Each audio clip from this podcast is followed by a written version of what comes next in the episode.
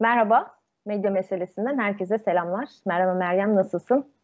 Merhaba Melek, sağ ol. Sen nasılsın? Ben de iyiyim, teşekkür ederim. Yine İstanbul karlara gömüldü. Bizler de evlere hapsolduk. Yayınımızı online yapıyoruz. Stüdyomuza ulaşamıyoruz. Ee, ama güzel manzaralar var. Eminim senin oradan da e, güzel manzaraların vardır. Karın tadını inşallah e, çıkartmışsındır evet, diye düşünüyorum. Işte, melek perdeler açık e, karı izliyorum, kahve içiyorum. Böyle tipik böyle e, burjuva şehir hareketleri içindeyim. E, buradan yayına bağlandım. Halbuki bugün niyetimiz vardı gerçekten stüdyodan yayın yapmaya ama e, valilik hem e, belediye açıklamalar yapıldı. İşte okullar tatil edildi. Dolayısıyla biz evet. de e, sokağa çıkmadık. E, maliyet oluşturmamak için hem kendimize hem de toplumsal maliyet oluşturmamak için. E, büyük bir fedakarlıkla evde oturarak kahve içiyoruz şu anda diyelim. Düşünsene son iki senede herhalde evlerimizle en çok bağ kurduğumuz zaman oldu. Özellikle de böyle çalışan, bol seyahat edenler için. Yani e, artık alıştık da yani sokağa çıkmak da zaman zaman bana zul gelmeye başladı. Aa, evden hallederim nasılsa diyorum. Ama tabii evet, bunun da verdiği seviyorum Melek. Sadece e, böyle ben misafir seven birisiyim. Misafirle gitmeyi de severim. Ağırlamayı da çok severim. Ben şey diye düşünüyordum pandemide.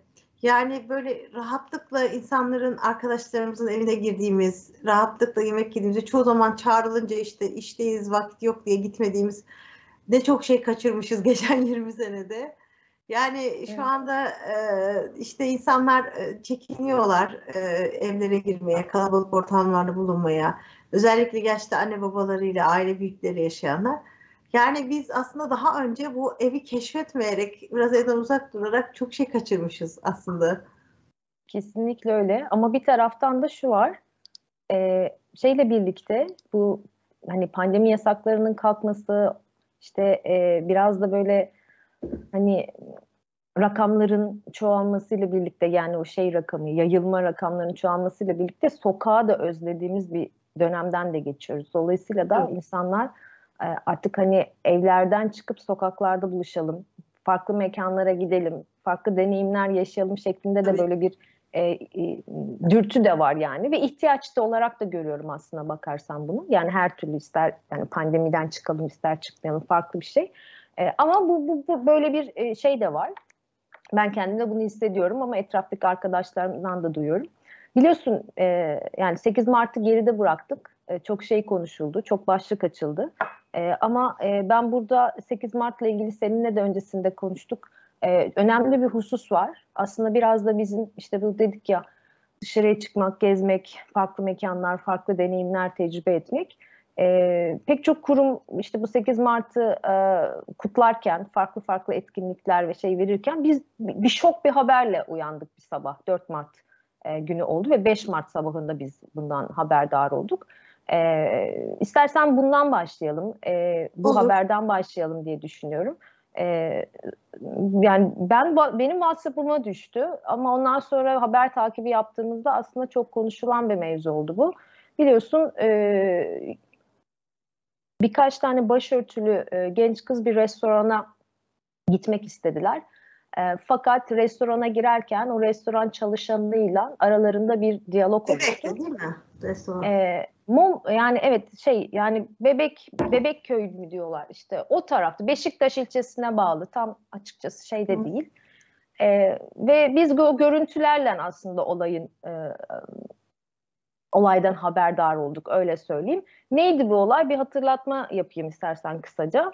Ee, başörtülü birkaç genç kız bir restorana girmek istiyorlar. Fakat restoran çalışanı onları içeri almıyor. Çünkü diyor ki işte kılık kıyafet yönetmeliği işte nedir eşofmanla vesaire giremezsiniz diyorlar.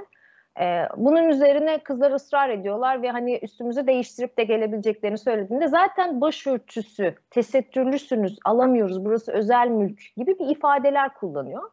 E, bunu da bu sırada işte o kızlardan bir tanesi e, görüntü e, al, alıyorlar ve ertesi gün bu görüntüler sosyal medyaya düşüyor. E, ve işte WhatsApp gruplarına düşüyor. Medya bu konuya eğilmeye başlıyor.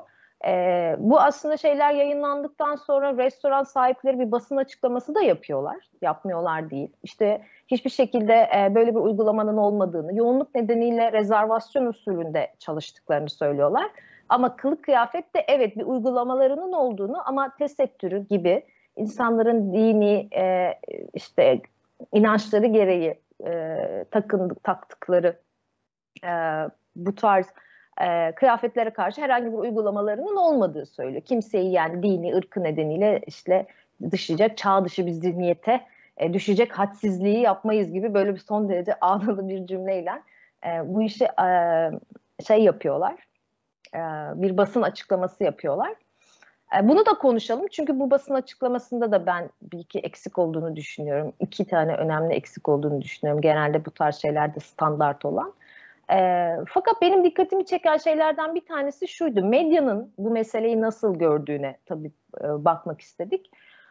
E, mesela hani e, işte bir kere tesettürlü kadınlar restorana alınmadığı iddiası yani birçok şey haber e, ajansı bunu böyle bir iddia e, üzerine e, yayınlıyor. Ama bazı şeylere bakıyorsunuz görüntüler her yerde var Meryem.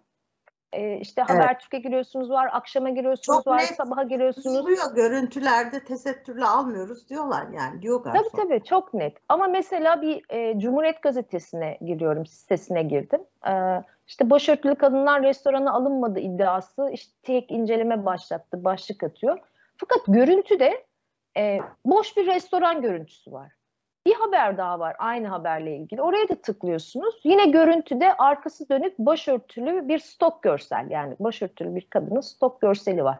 Hiçbir şekilde o olaya dair her yerde olan e, ve her yerde yayınlanan o görüntüleri mesela ben sitede bulamadım. Bunu da sorguladım. Yani bu bir fact olarak var ve gazetecilikte biliyorsun algının nasıl oluşturulduğu ile ilgili gerçek görüntüleri koyduğumuz zaman insanların kafasında bu olayın gerçekleştiğine dair izlenimler daha net oluyor. Zaten hani biz bunu sıcak bir olayı soğutarak veriyoruz. Zaten bir gerçekliğin şeyine çıkıyoruz ama hani olan bir şeyi de vermeyip başka bir görüntüyle vermek e, bana böyle retorikte çok bilerek ve isteyerek yapılmış bir hareket gibi geldi.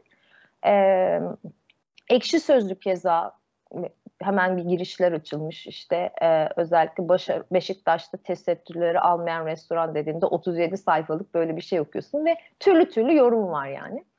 E, detaya e, daha fazla hani girmeyeyim belki konuştukça gireriz. Çok da şey burada sana bir söz vermek istiyorum. Yani sen nasıl görüyorsun bu mevzuyu?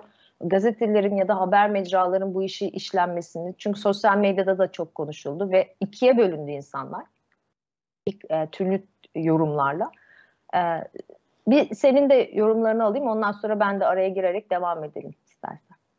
Şimdi Melek'ciğim bence e, burada da Türkiye'de nefret suçları ile ilgili bir yasal düzenleme yapılması gerekir. Çok net bir şekilde ve basının tarzı da yaklaşımı da bu nefret suçları düzenlemesinin içinde yer almalı. Yani bu sorumlu davranış dediğimiz konunun içinde yer almalı. Çünkü bırak sözlü olarak tesettürlü giremez demeyi Karaköy'de bir kadın iki tane başörtülü kadına yumruk attı.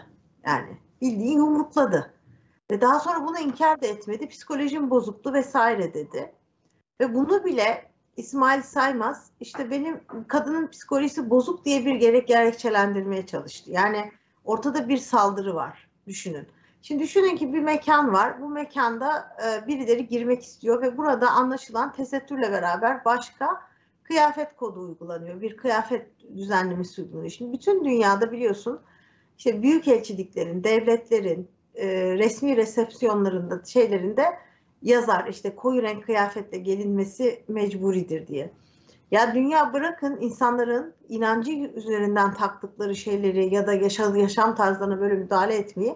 Dünya bu tarz kıyafet kodlarını resmi davetlerde bile olmaması gerektiğini tartışıyor artık. Dünya artık çok renkli bir yer. Dünya artık çok farklı bir yer. Ve işte en lüks firmalar e, e, çok ciddi paralara alınacak eşofmanlar üretiyorlar. Ve bunları en e, ünlü insanlar ellerinde en pahalı çantalarla çok saygın davetlere giderken giyiyorlar. İşte e, biliyorsun bazen zaman zaman protesto olarak da algılanıyor e, müzik ödüllerine, film ödüllerine eşofmanla giden ünlüler meselesi. Yani dünya bunları tartışırken biz bir restoranda yemek yiyeceksiniz ve paranızla hizmet alacaksınız. Şimdi e, Atatürk'ün bir anısı var e, Sofya'da geçen. E, Fikret Kızılok hatta onu müzikal bir şekilde çok güzel aktarır. Bulgaristan'da ateşeyken, askeri ateşeyken bir restorana gidiyor. O restorana böyle kılık kıyafeti çok e, gariban bir köylü geliyor ve garson ona dik dik bakıyor. O esnada Atatürk'ün yanında da işte e, bir o dönemki sevdiği bir kız var. Onunla konuşuyor. Kızın adı da Sofya galiba yanlış hatırlamıyorsam. E, ve e, o köylü garsona diyor ki ben de bu ülkenin e, vatandaşıyım. Getirin çayımı pastamı alın parasını diyor. Ve Atatürk de ona bakarak diyor ki bir gün benim ülkem de böyle bir ülke olacak. Yani insanların kılığına, kıyafetine, hiçbir şeyine, sosyal statüsüne bakmadan e, bizim e, insanlara yani hizmet vereceksen parasıyla ne hizmet veriyorsan onu vereceğin bir ülke olacak diyor. Bu o dönem yani bu söylendiği zaman işte 20. yüzyıl başında o dönemki dünya için oldukça ileri bir vizyon. Ama bakıyorsunuz bugün bu vizyonu taşıdığını iddia eden gruplar yani Atatürk'ün idealinden gittiğini, işte dünya ile entegre olduklarını, belki bunu şıklık, modernlik adına yaptığını söylenen e, gruplar bu idealden çok uzaklar maalesef. Çok geride kalmışlar. Yani siz bugün mesela Amerika'da bir sürü sorunlar var değil mi? Irkçılık, siyahilik vesaire. Ama işte işte ne bileyim göçmenlik, e, Müslümanlık, İslamofobi bunların hepsi konuşuluyor.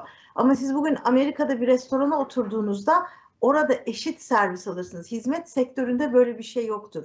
Türkiye'de maalesef hizmet sektöründen başlayarak katman katman birçok yerde gizli bu tarz kurallar var. Yani insanların kılığına, kıyafetine bir kadın başörtülü mü, gariban mı gözüküyor, çok gösterişli mi, bir adam e, bir restoranın önüne hangi arabayla geldi. Bunlar özel sektörde. Bakın herkes orada aynı yemeği yiyecek ve herkes orada aynı para ödeyecek. İşte siyasi mi, bağlantısı var mı, referanslı mı, referanssız mı? Bütün bunların ürünü bu konu. Demek ki bu restoranda e, gizli bir e, kıyafet kodu var. Bunu belki açıktan söylemiyorlar ama kendi aralarında söyledikleri insanları nazikçe uyardıkları. Hani orada garson çok kaba değil. Ama bu işte daha da korkunç, daha katmanlı. Çünkü ayrımcılığın en kötüsü size bağıra bağıra yapılan değildir. Gizli ayrımcılıklardır. Ve daha da vahim durum bu ayrımcılık ortaya çıktıktan sonra senin de söylediğin ekşi sözlükte e, ve diğer sosyal medya mecralarında veya bazı işte köşe yazarlarının katıldığı şekliyle konunun tartışılma biçimi o daha da korkunç.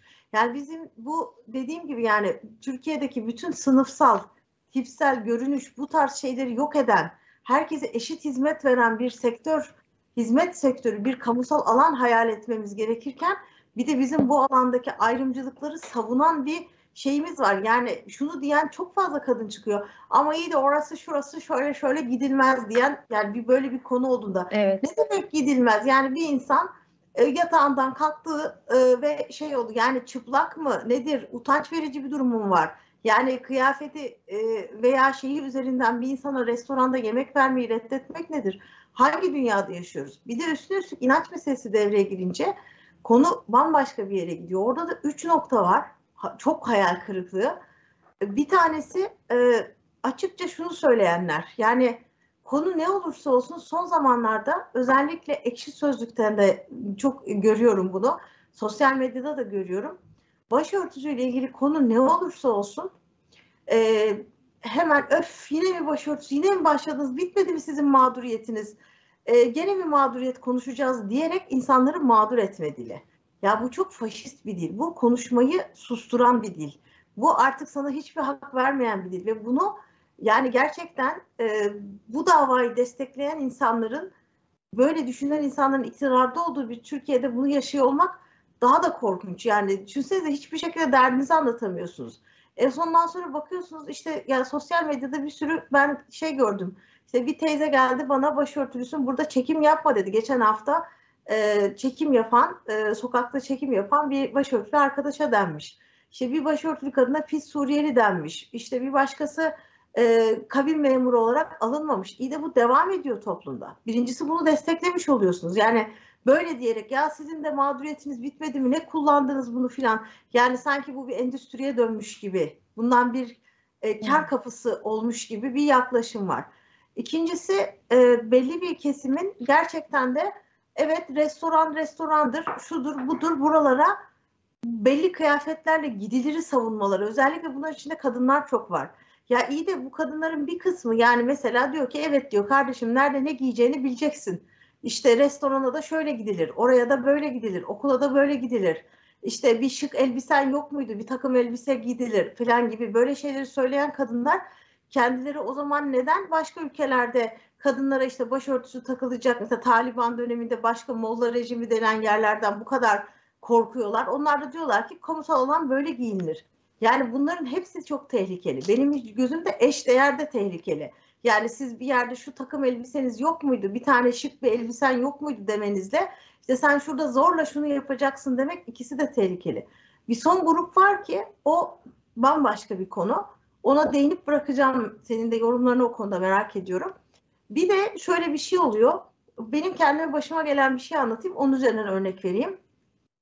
2016 ve 2017 yılında beni çalıştığım kurum Turkuaz Medya e, bir e, eğitim ve seminere gönderdi ve bu eğitim semineri e, ya seminer tarzı eğitim diyeyim daha doğrusu o bir otelde gerçekleşiyordu.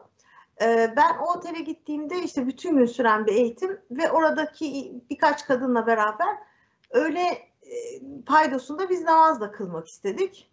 Burası lüks, beş yıldızlı ve böyle hani zincir oteller dediğimiz otellerden bir tanesi.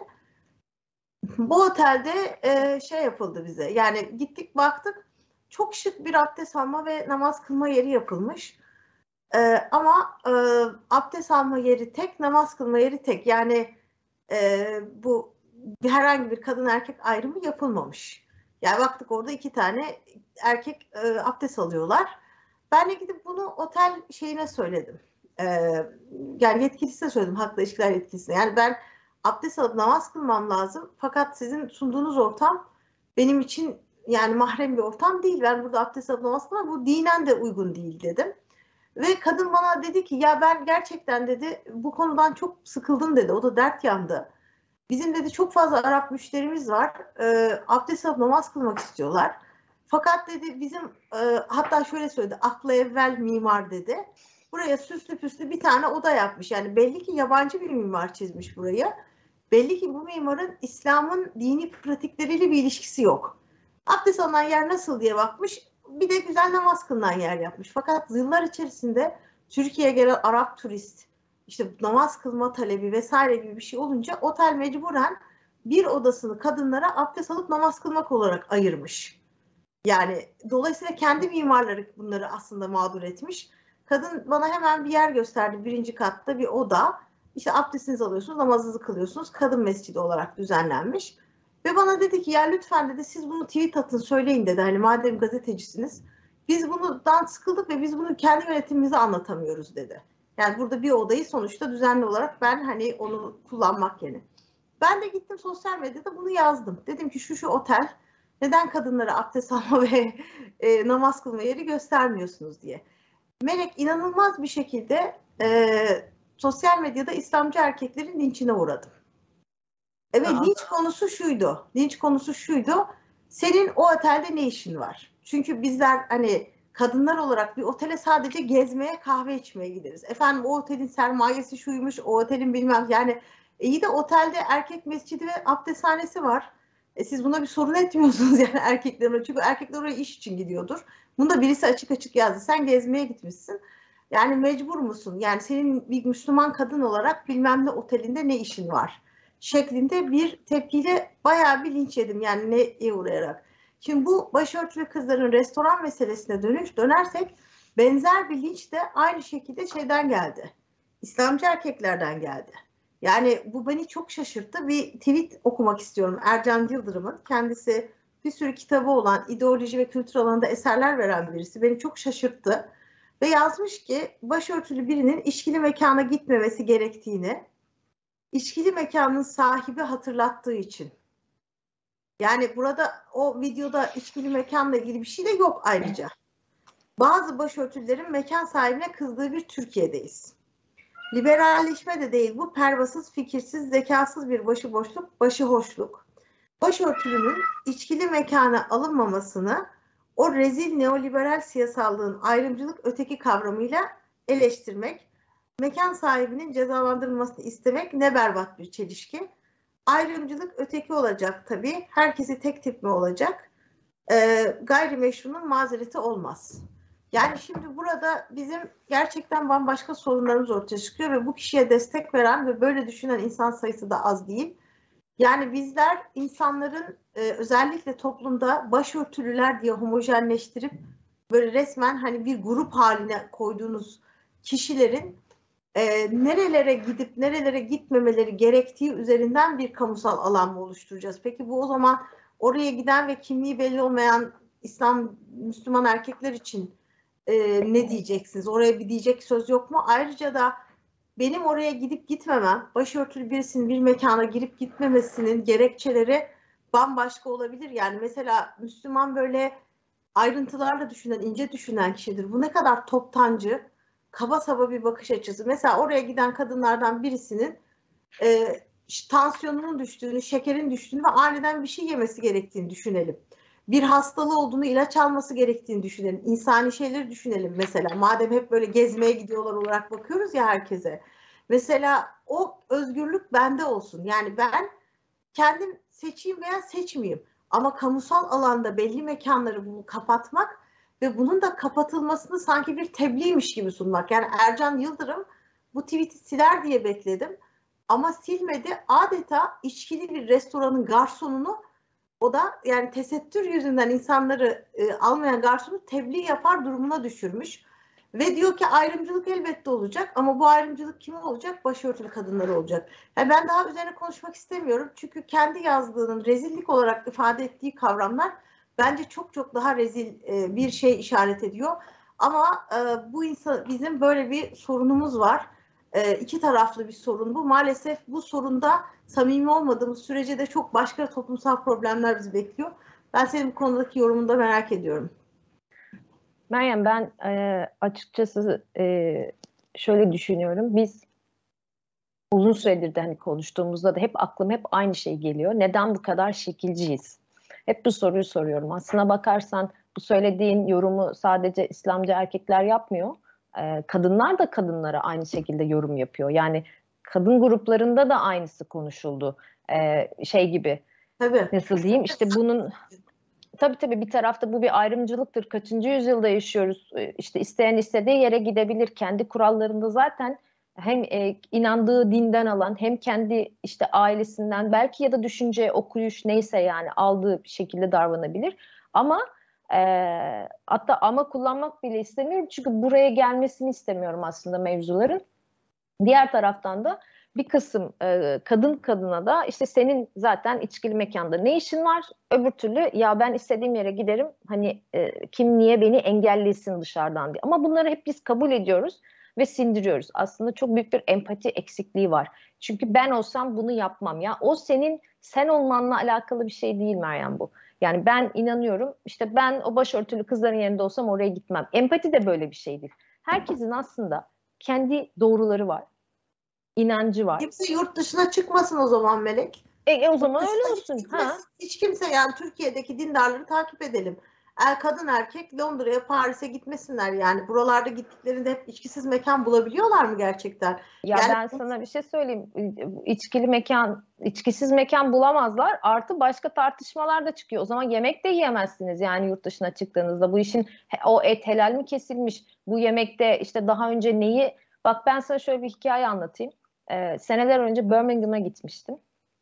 E, ve bir restorana oturdum.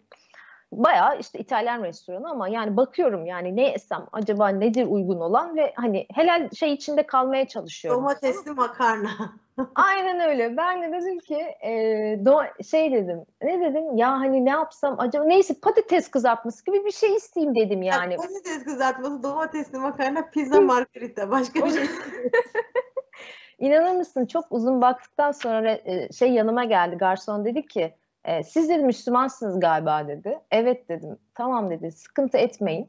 E, ve dedi ne, yiyece, ne yersiniz? Dedim patates kızartması yiyeyim bari hani bilmiyorum dedim şeyi. Yo dedi. Biz patatesi kızarttığımız yağda aynı zamanda da şeyi de kızartıyoruz dedi. E, domuz ya da onun vesaire ürünlerinden de kızartıyoruz. O da sizin için uygun olmaz. Ama bizi dedi Müslüman e, sizin gibi çok gelen var. Birmingham'ı biliyorsunuz zaten hani hem Müslüman şeyi de çok yüksek. Evet. E, sizin gibi dedi böyle gelen Müslüman müşterilerimiz var. Bu nedenle e, aslında size uygun bir domatesli makarna getireyim ben. Çünkü o tabakta ki e, işte sosu da, makarnası, kepçesi vesaire başka hiçbir şeyde kullanmıyoruz. Sadece onda kullanıyoruz dedi. Şimdi bu resimle karşılaştığında insanlar senin inancınla, senin davranışınla sonuçta ben başörtüsü takmıyorum yani. Tamam mı? Yani anlatabiliyor muyum ne demek istediğimi? Başörtüsü takıyor olsaydım belki Müslüman oldum çok daha ayyuka çıkacaktı falan başka bir mesele. Ama adam benim başörtümden bağımsız olarak menüye o kadar uzun bakmamdan bir hikaye çıkararak geldi yanıma. Şimdi biz ülkede ne yapıyoruz? Evet ben de Müslüman bir insanım ama başörtüsü takmıyorum. Ben Momo'ya gidebilir miyim yani? Şimdi niye biz hep bunu başörtüsü üstünden Aynen yapıyoruz? öyle. Doğru, bravo. Evet. Tamam, bu, bu, bu kısım beni çok rahatsız ediyor. Üstelik erkekler istedikleri yerde, istedikleri ortama e, yani kimliklerini de çok güzel gizleyecek şekilde gidebiliyorlar yani. O zaman başka şeyleri konuşalım. Yani Momo'da ne işi var? Kimliklerini, Melek, kimliklerini gizlemek zorunda kalmıyorlar. Bayağı bir ittifak yapıyorlar yani bu konuyla. Evet, evet kesinlikle öyle. Dolayısıyla benim burada asıl, e, bak birçok şey söyledin. E, Atatürk'ten çok güzel bir örnek verdin ki ben de çok severim o şeyi, e, parçayı orada hikaye aslında e, ya biz şunu Tabii kaçırıyoruz. Ya ben pedamu değil mi? ya bak şunu kaçırıyoruz biz. Güzel olmak, şık olmakla temiz olmayı aslında tamam mı? Hijyenik olmayı, bakımlı olmayı birbirine karıştırıyoruz. Ee, güzel şeyler giydiğinde, markalı şeyler giydiğinde ya da işte belli bir klasmanın e, ya da belli bir sınıfın kıyafetlerini giydiğinde seni şehirli sanıyoruz ya da o insanı şehirli olarak algılıyoruz keresinde de sormuştum ben aile büyüklerinden birine. Ya niye mesela Mercedes kullanır bazı aileler ya da vesaire diye. Bana verdiği cevap şu olmuştu. E bankaya gidiyor çünkü. Ya şimdi her şeyden bir e, dedi ya demin kimlik çıkartması yapıyoruz. İşte bankaya kredi çekmeye gidiyor, kapıya bakıyor. Aa işte Mercedes araba var. Tamam bu da bir şeydir. Yaz kenara diyor. Ya da başka türlü hikayeler. Ama mevzuyu çok saptırmak istemiyorum. Hizmet alıyor, hizmet. Hizmet evet. alıyor. Türkiye'de aslında tabii bu başka bir yere saptırmak değil ama bu başörtüsü falan diye inciklenen şey bir gün bambaşka bir grupta hedef altına alınabilir. Bakın kimse böyle bir kamusal alandan bir böyle kendi güvenliğini beklemesin.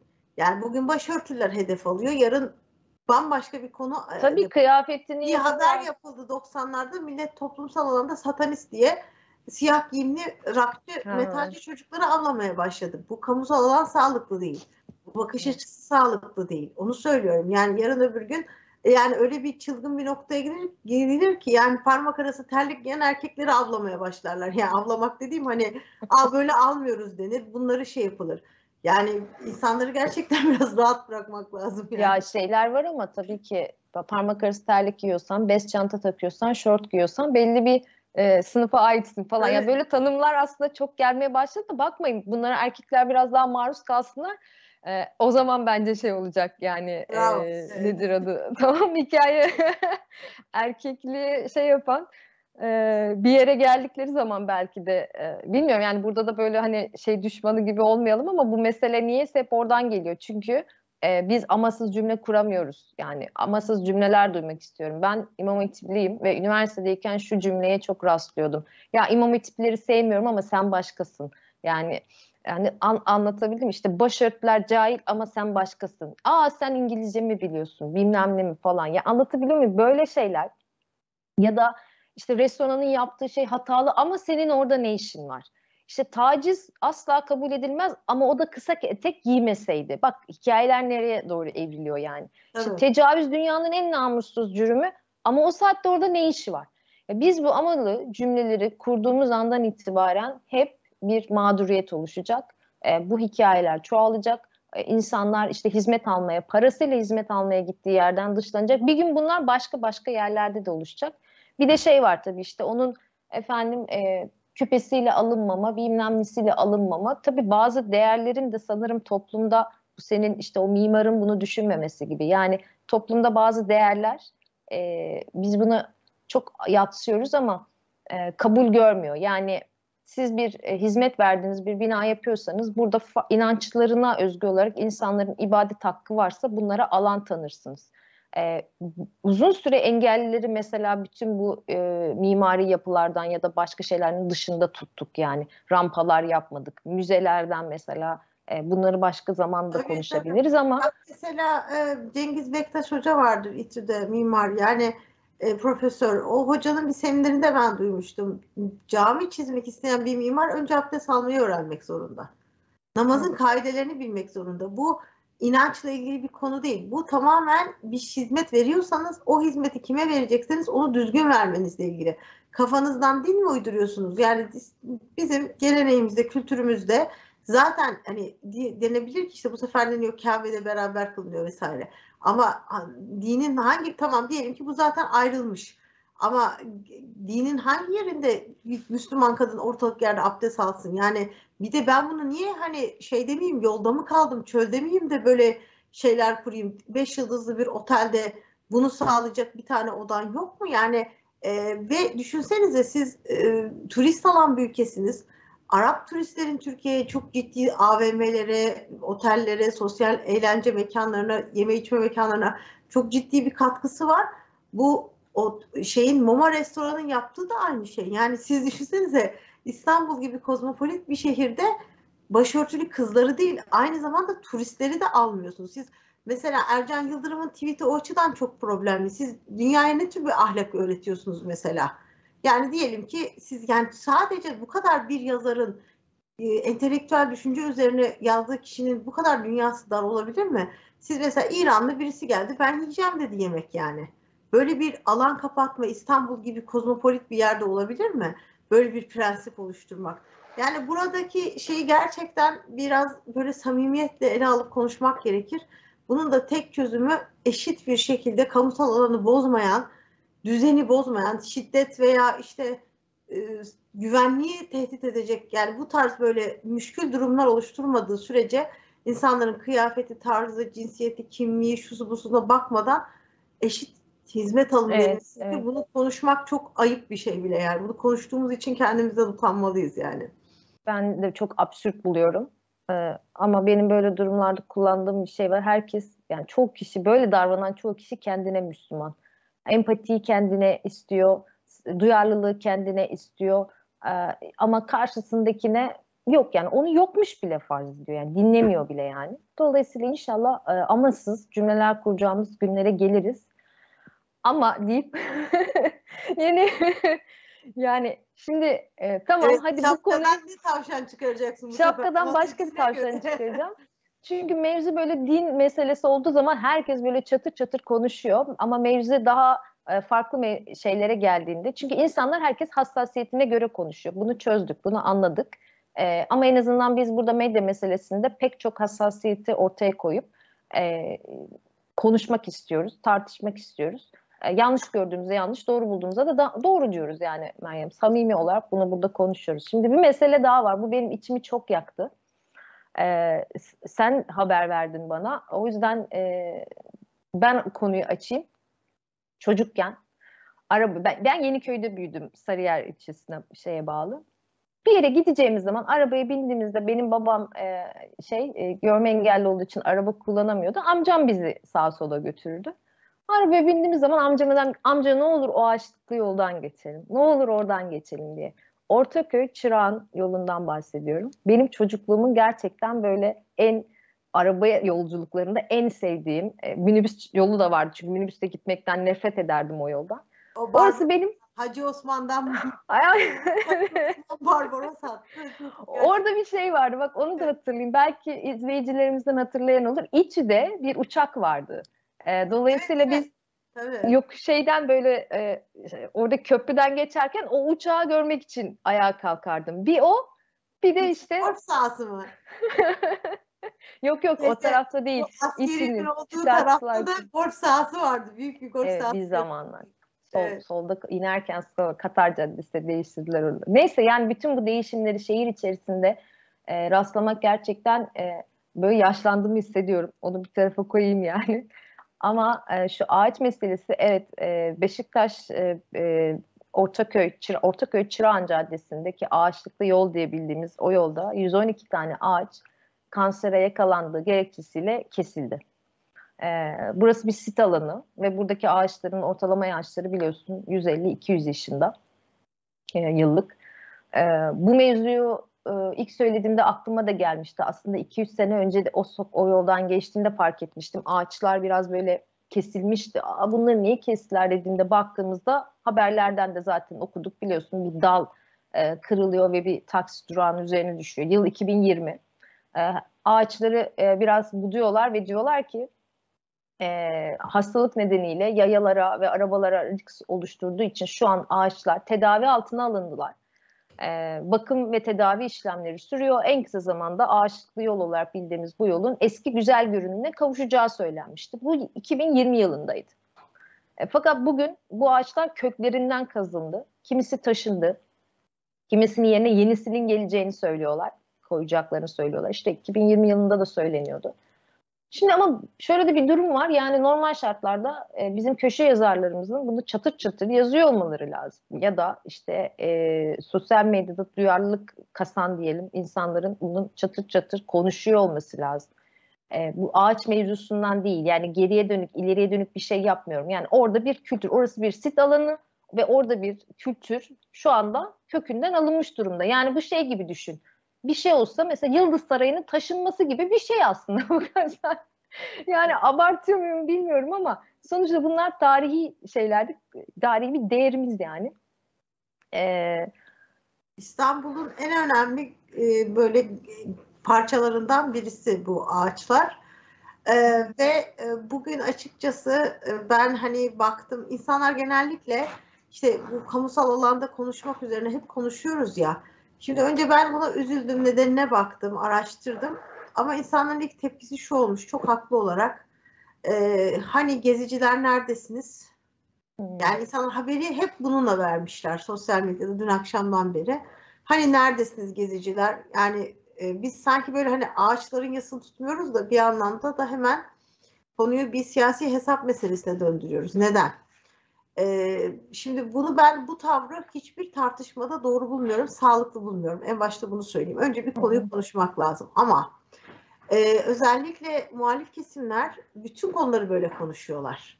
Hiçbir konuyu esaslı, insani, hukuki düzlemde değil de her zaman bir siyasi hesap meselesi olarak konuştuğu için insanlar da diyorlar ki e, bu konuya niye ses çıkarmıyorsunuz? Şimdi gezi olayları biliyorsunuz ağaçların e, ilgili olarak başlamıştı. Daha sonra Yalova'da e, 2014 yılında zannediyorum 180 ağacın kesilmesi oldu ve buna hiçbir ses çıkmadı. Yalova Belediyesi CHP Belediyesi olarak o zaman 180 ağaç kesmişti. Ve daha sonra da yıllar içerisinde çevre konularının orman yangınları da olmak üzere zaman zaman e, böyle kasıp kavuracak şekilde gündeme geldiğini ve bu gündemin e, bir çevre hassasiyeti üzerinden siyasallaştığını görüyoruz e, çevre meselelerinin daha önceden de konuştuk bunları seninle burada. Çevre meselelerinin bu şekilde siyasallaşmış olması çok ciddi bir sorun. Çünkü bu sefer siz çevreyi değil, çevre üzerinden yapılan siyaseti konuşmaya başlıyorsunuz ki bunun da bazı aktörleri var. Ee, ve bu aktörler bakıyorsunuz bir hassasiyet olarak gözükecek şekilde aslında muhalefet yapıyorlar.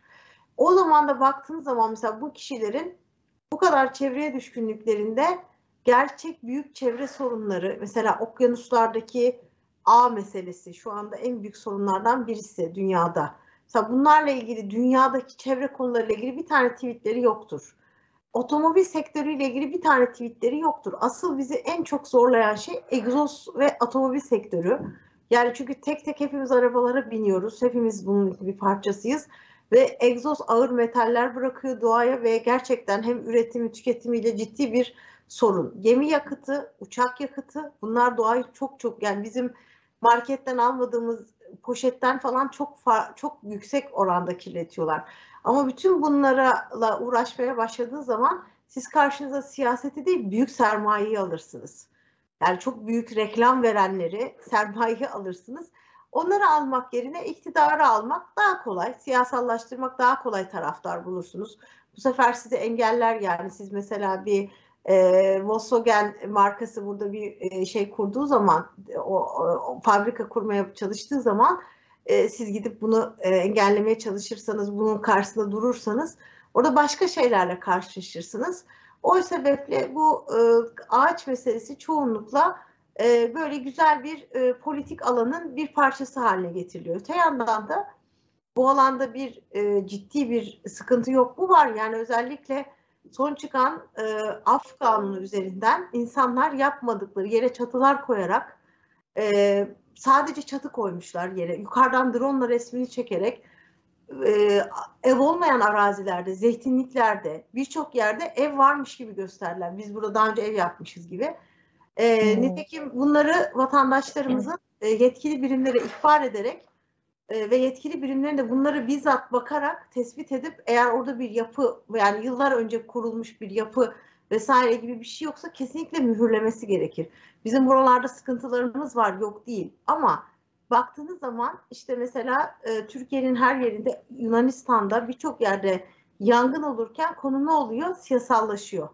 Siyasallaşan bir konu üzerine bakıyorsunuz belli aktörler ortaya çıkıyor. Bu aktörlerin bakıyorsunuz e, dediğim gibi bazı çevrenin böyle kuşatıcı bir şey değil de belli bir konuyu hedef almış tweetleri var ve bunlar rantla e, savaştıklarını düşünüyorlar. Şimdi belediyeye dönersek ağaç meselesi özellikle çınar ağacı konusu İstanbul'da çok özdeşleşmiş bir ağaç. E, mesela bizim kahvelerimiz Çengelköy'de de var biliyorsun birçok yerde de var. Çınar altı olarak anılıyorlar ve bir çınar büyütülüyor ve bu çınarların 700-800 sene giden belki de daha fazla ömürleri var. Ee, bizim mesela köye çok yakın bir yerde 500 yıllık bir çınar var. Artık böyle gövdesi çok büyümüş. Ee, bir yüce koca çınar olmuş. İşte e, bunun edebiyatta yeri var biliyorsunuz. Şeyleri var. Dolayısıyla çınar ağacı bizim için zaten çok sembolik bir anlam. E, baktığınız zaman e, ben doğrudan bu konuyu çok özetleyecek bir şey olduğunu düşündüğüm için Şahan Gökbakar'ın tweetini okuyacağım. Bu konuya nasıl baktıklarını ve nasıl bakmamız gerektiğini de söyleyeceğim. Çevre meselelerini, çevre sorunlarını inkar etmeyen, bunlarla ilgili endişe duyan bir insan olarak konuşuyorum. Yazmış ki Şahan Gökbakar. Çünkü herkesin aklına ilk Şahan Gökbakar geldi. İşte yakın zamanda zeytin ağaçları üzerinden birçok konuda ciddi anlamda sosyal medyada e, duyarlı bir tepkileri var. Ama bu duyar dediğim gibi siyasallaşmış bir duyar ya da yani siyasal muhalefetin bir parçası. Beşiktaş'ta 112 kanserli ağaç kesilmiş diyor. İnsanlar bana ses çıkarmayacak mısın yazıyor. E, doğal olarak insanlar böyle bir tepki bekliyor. Siz kendinizi böyle bir aktivist konumuna koymuşsunuz. Çıkarmayacağım çünkü belediye başta olmak üzere bilim insanları, orman müdürlüğü tüm yetkililer kesilsin demiş. Yanlış uygulama ise verin mahkemeye ama zeytin ağaçları kesilmesin demeye devam. Şimdi bu ikisi amalık bir konu değil. Zeytin ağaçları ama zeytin ağaçları kesilmesin ama dedin ya az önce işte amasız konuşamıyoruz. Ya zeytin ağaçları kesilmesin. Bu konudaki aktivizmine de devam edin. Bunda hiçbir sorun yok. Ama burada şu soruyu sormak en basitinden akıllara gelmiyor mu? Yani bilimsel düşüncenin en temel konusudur. Sebep sonuç ilişkisi.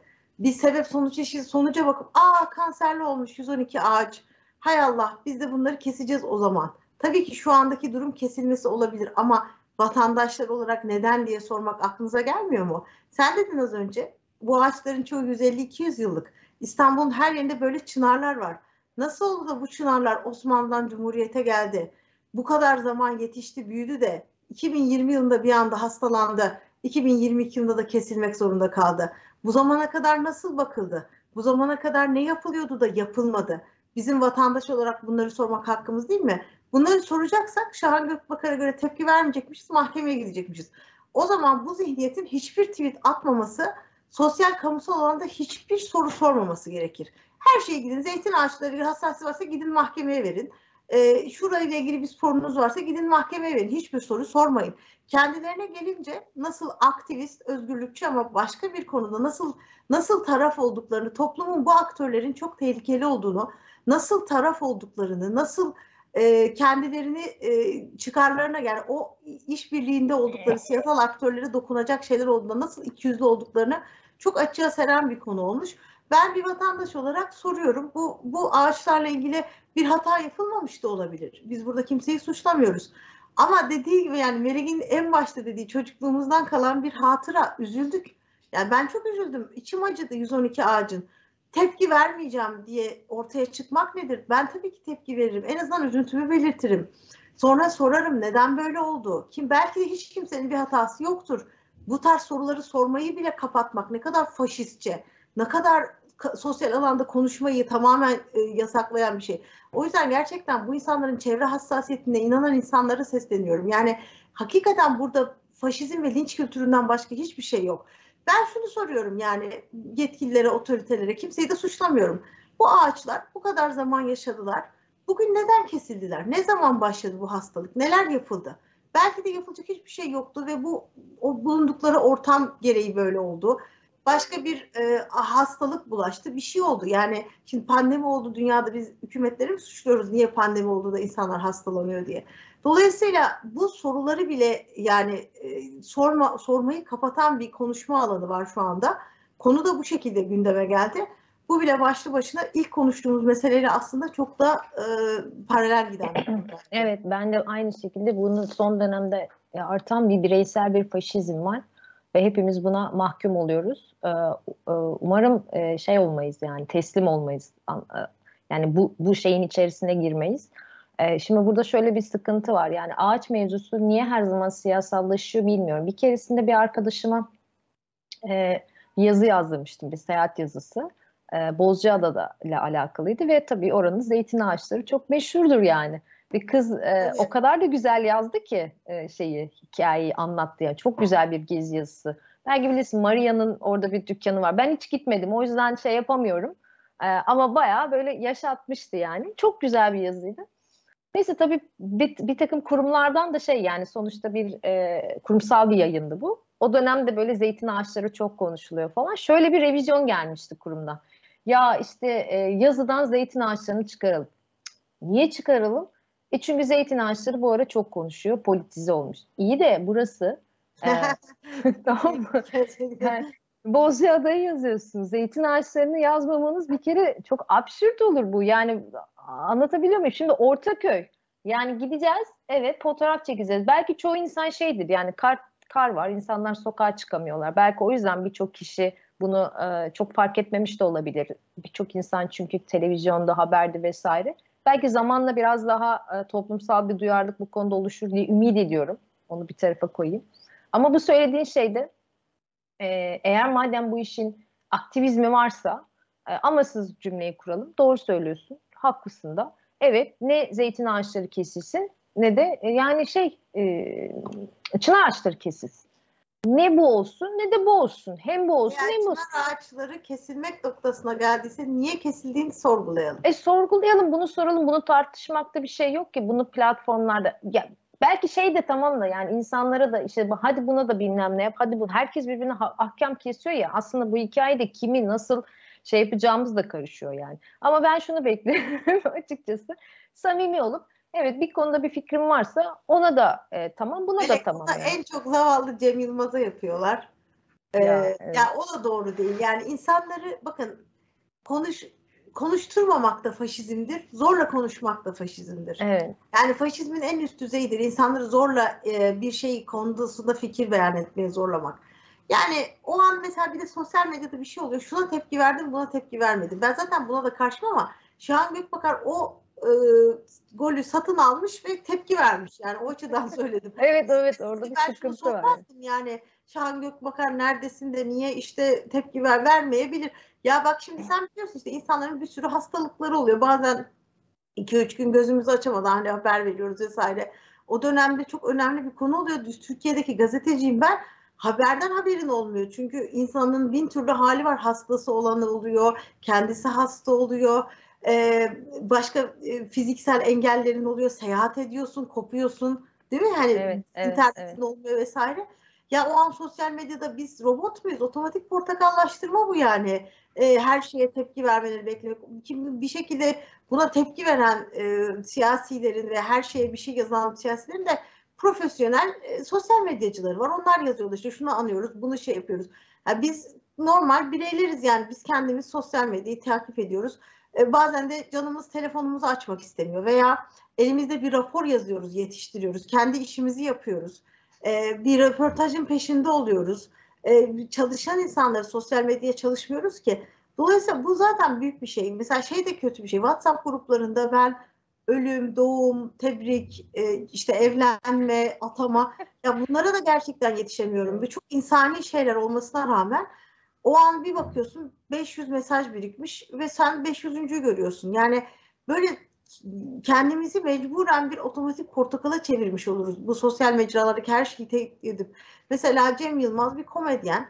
İnsanlara bence kendi camiasına, kendi aşağı yukarı bulunduğu kitleye de yeterince e, olumsuz veya işte onlarla da dalga geçen, onlara karşı bir feedback'i de var. E, aşırı siyasallaşmış bir tutumu yok. Bazen can isteyip siyasal bir şeyler yazabilir. Ha böyle zorlamak yani niye konuştun? Tabii ona da katılıyorum. Bu Şahan Gökbakar'a da yapılmaması gerekir. Ona tepki verdi diye ona vermek istedi. Buna tepki vermedi. Burada bir beyan olduğu için beyan üzerine konuşuyoruz. Yoksa hı hı. vermeseydi Canı zeytin ağacına tepki vermek istemiş. 112 ağaca vermek istememiş. Ben orada onu bir şey söylemezdim yani. Veya o gün belki uyuyordu, canı istemedi, yorgundu, takip edemedi yani. Bundan her şeyin altında siyasal alanı sosyal medyaya taşırsak çok zorlanırız. Ee, ya yani. bu, evet evet bu biraz şeyden ya. E, eylem kültürünü çok e, tam bize yerleşememişken sosyal medyaya taşındık tamam mı? Ay, Şimdi evet, boy... Çok güzel tespit.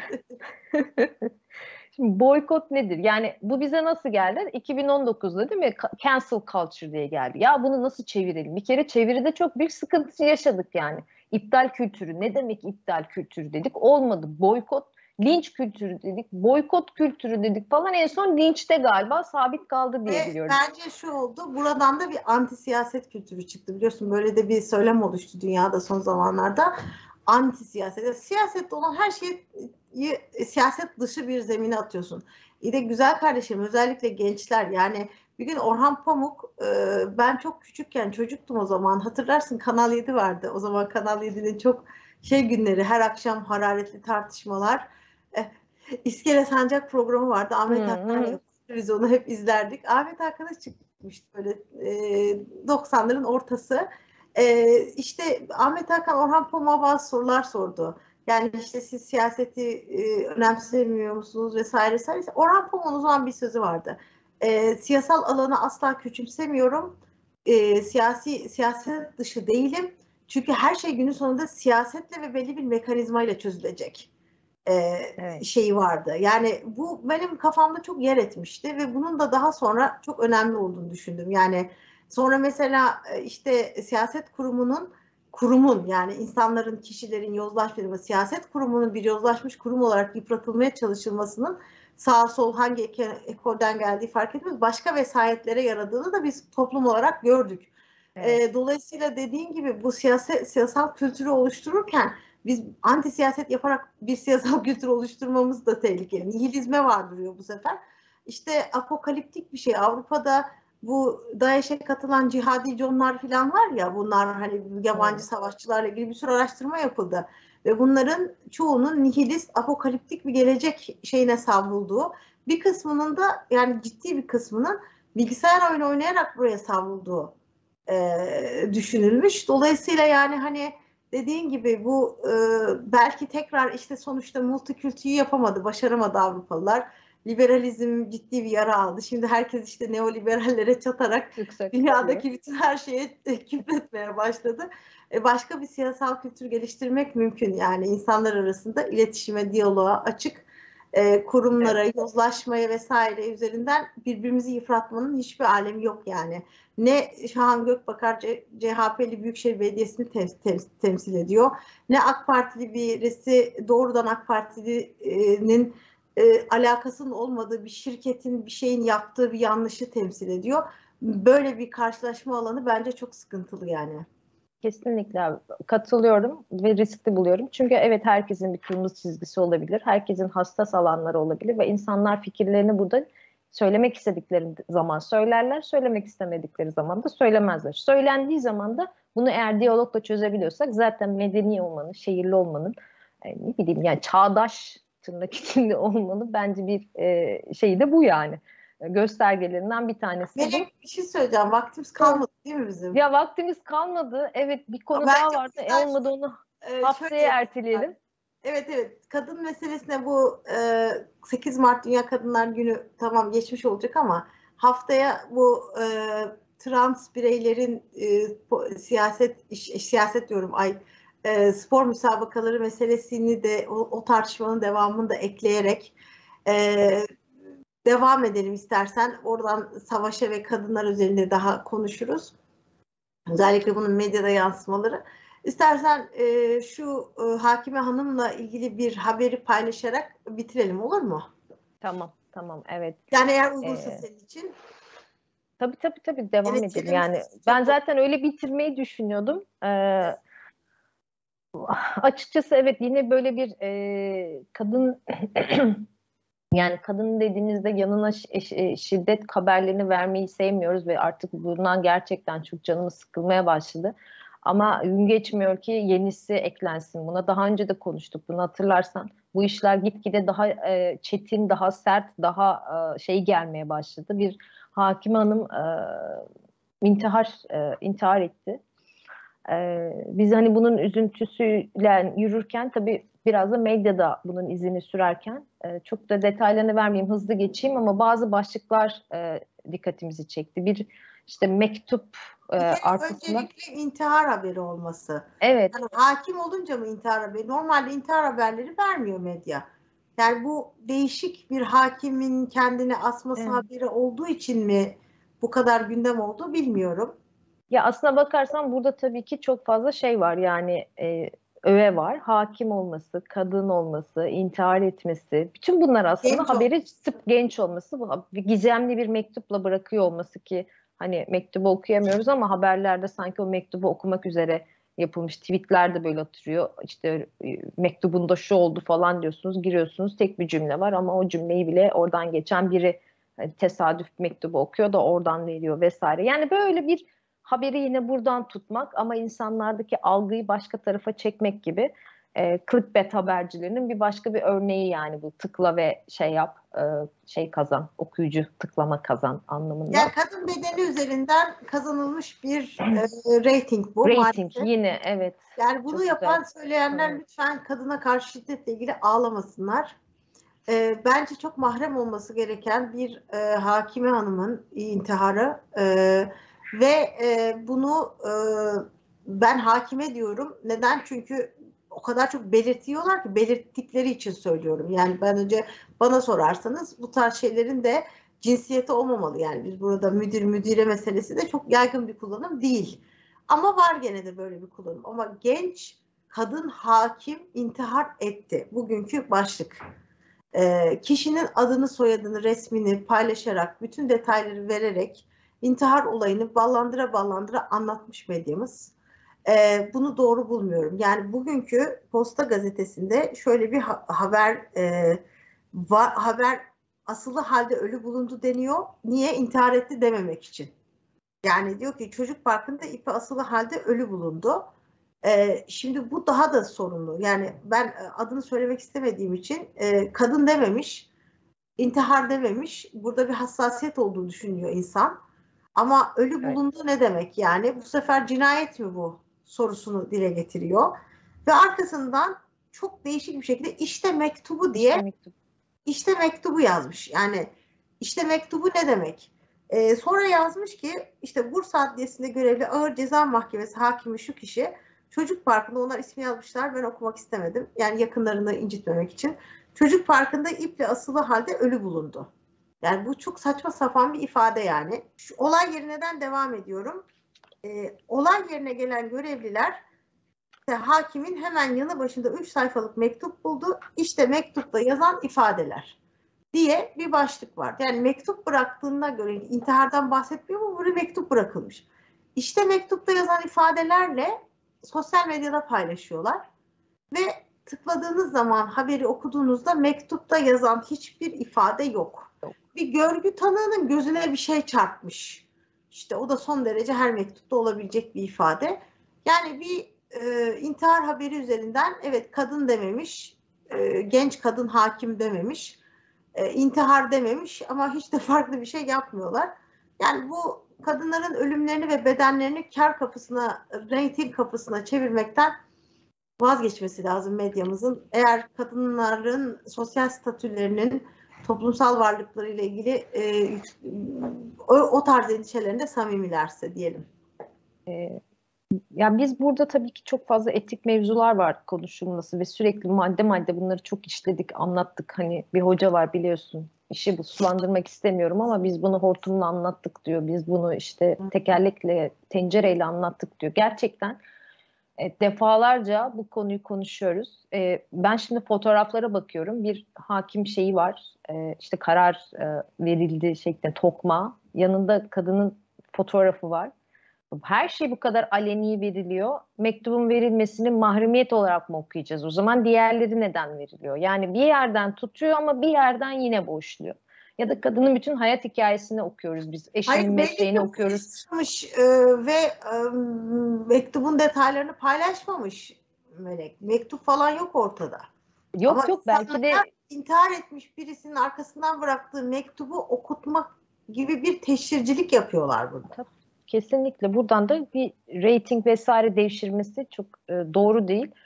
E, öncelikle ben aslında şey bekledim. Biraz medya kuruluşlarının kendilerinin bu etik kuralları belirlemesi ve editorial anlamda bunlara uyulması bir prensip, bir kural vesaire. Ama bu belli ki olmayacak e, Meryem. Dolayısıyla e, bence tıpkı e, yeni e, Adalet Bakanımızın belirlediği şiddetle mücadeleyle ilgili yeni reform paketi gelirken e, bence bu şiddet haberleriyle ilgili de bir medya ile alakalı olarak bazı düzenlemelerin artık yapılması gerekiyor. Belki o zaman biraz daha şey olabilir, e, elimiz sıkılaşabilir. Yani nefret, suçu, nefret terbiyesi seçimi, olabilir. bunlarla ilgili yasal düzenlemeler gerekiyor. Ee, ve bence sivil topluma da düşen önemli bir görev var. Ben bunu birçok yerde söyledim. Yani bu kadın top kuruluşlarına da e, medyayı monitör etmeleri gerekiyor. Yani medyada her sabah çıkan bu tarz olayların üzerinden biliyorsunuz sosyal bir e, duyarlılık da oluşturmak gerekiyor. Çünkü bunu böyle her gün her gün yaptığınızda insanlar yoruluyor. Çünkü her gün medyada böyle bir facia var. Şimdi siz her gün toplanıp bununla ilgili bir aktivizm yapamazsınız. Ama bunları toplarsınız, monitör edersiniz. Bunu en çok yapan kurum ve kuruluşları e, tespit edersiniz ve bunları medyaya söyle, kamuoyuyla açıklarsınız. Sonuçta açık kaynaklardan derliyorsunuz. Sabahki haberlerden derli- Tabii. E, çünkü tek tek olaylar üzerinden aktivizm yapmak, her şeyi getirip burada konuşmanın imkanı yok. Ama bunun üzerinden sivil topluma düşen çok önemli bir görev var. Bunu kimler yapıyorsa, en çok yapıyorsa, nasıl yapıyorsa bunu e, muhataplarına, e, siyasete, medya yöneticilerine, akademisyenlere, toplumla paylaşmak bunu, bu verileri vermek diye de bir sorumlulukları var diye düşünüyorum. Hak veriyorum. Bugün sana çok hak verdim Meryem. Ben de sana çok hak veriyorum Melek. Evet. Teşekkür ederim. Ee, gerçekten çok önemli e, e, ve güzel bir şey oldu yine bizim için. Ee, bugünkü medya meselesinden e, bugünlük bu kadar. Ee, haftaya yine aynı saatimizde inşallah görüşmek dileğiyle. Umarım stüdyoda bu sefer bir araya geliriz. İnşallah. Ee, ve e, bugün yetiştiremediğimiz ama yine önemli olduğunu düşündüğümüz ve yeni medyada çıkacak yeni başlıklarla birlikte önümüzdeki hafta Times of Türkiye kanalında görüşmek dileğiyle. Hoşçakalın. Hoşçakalın.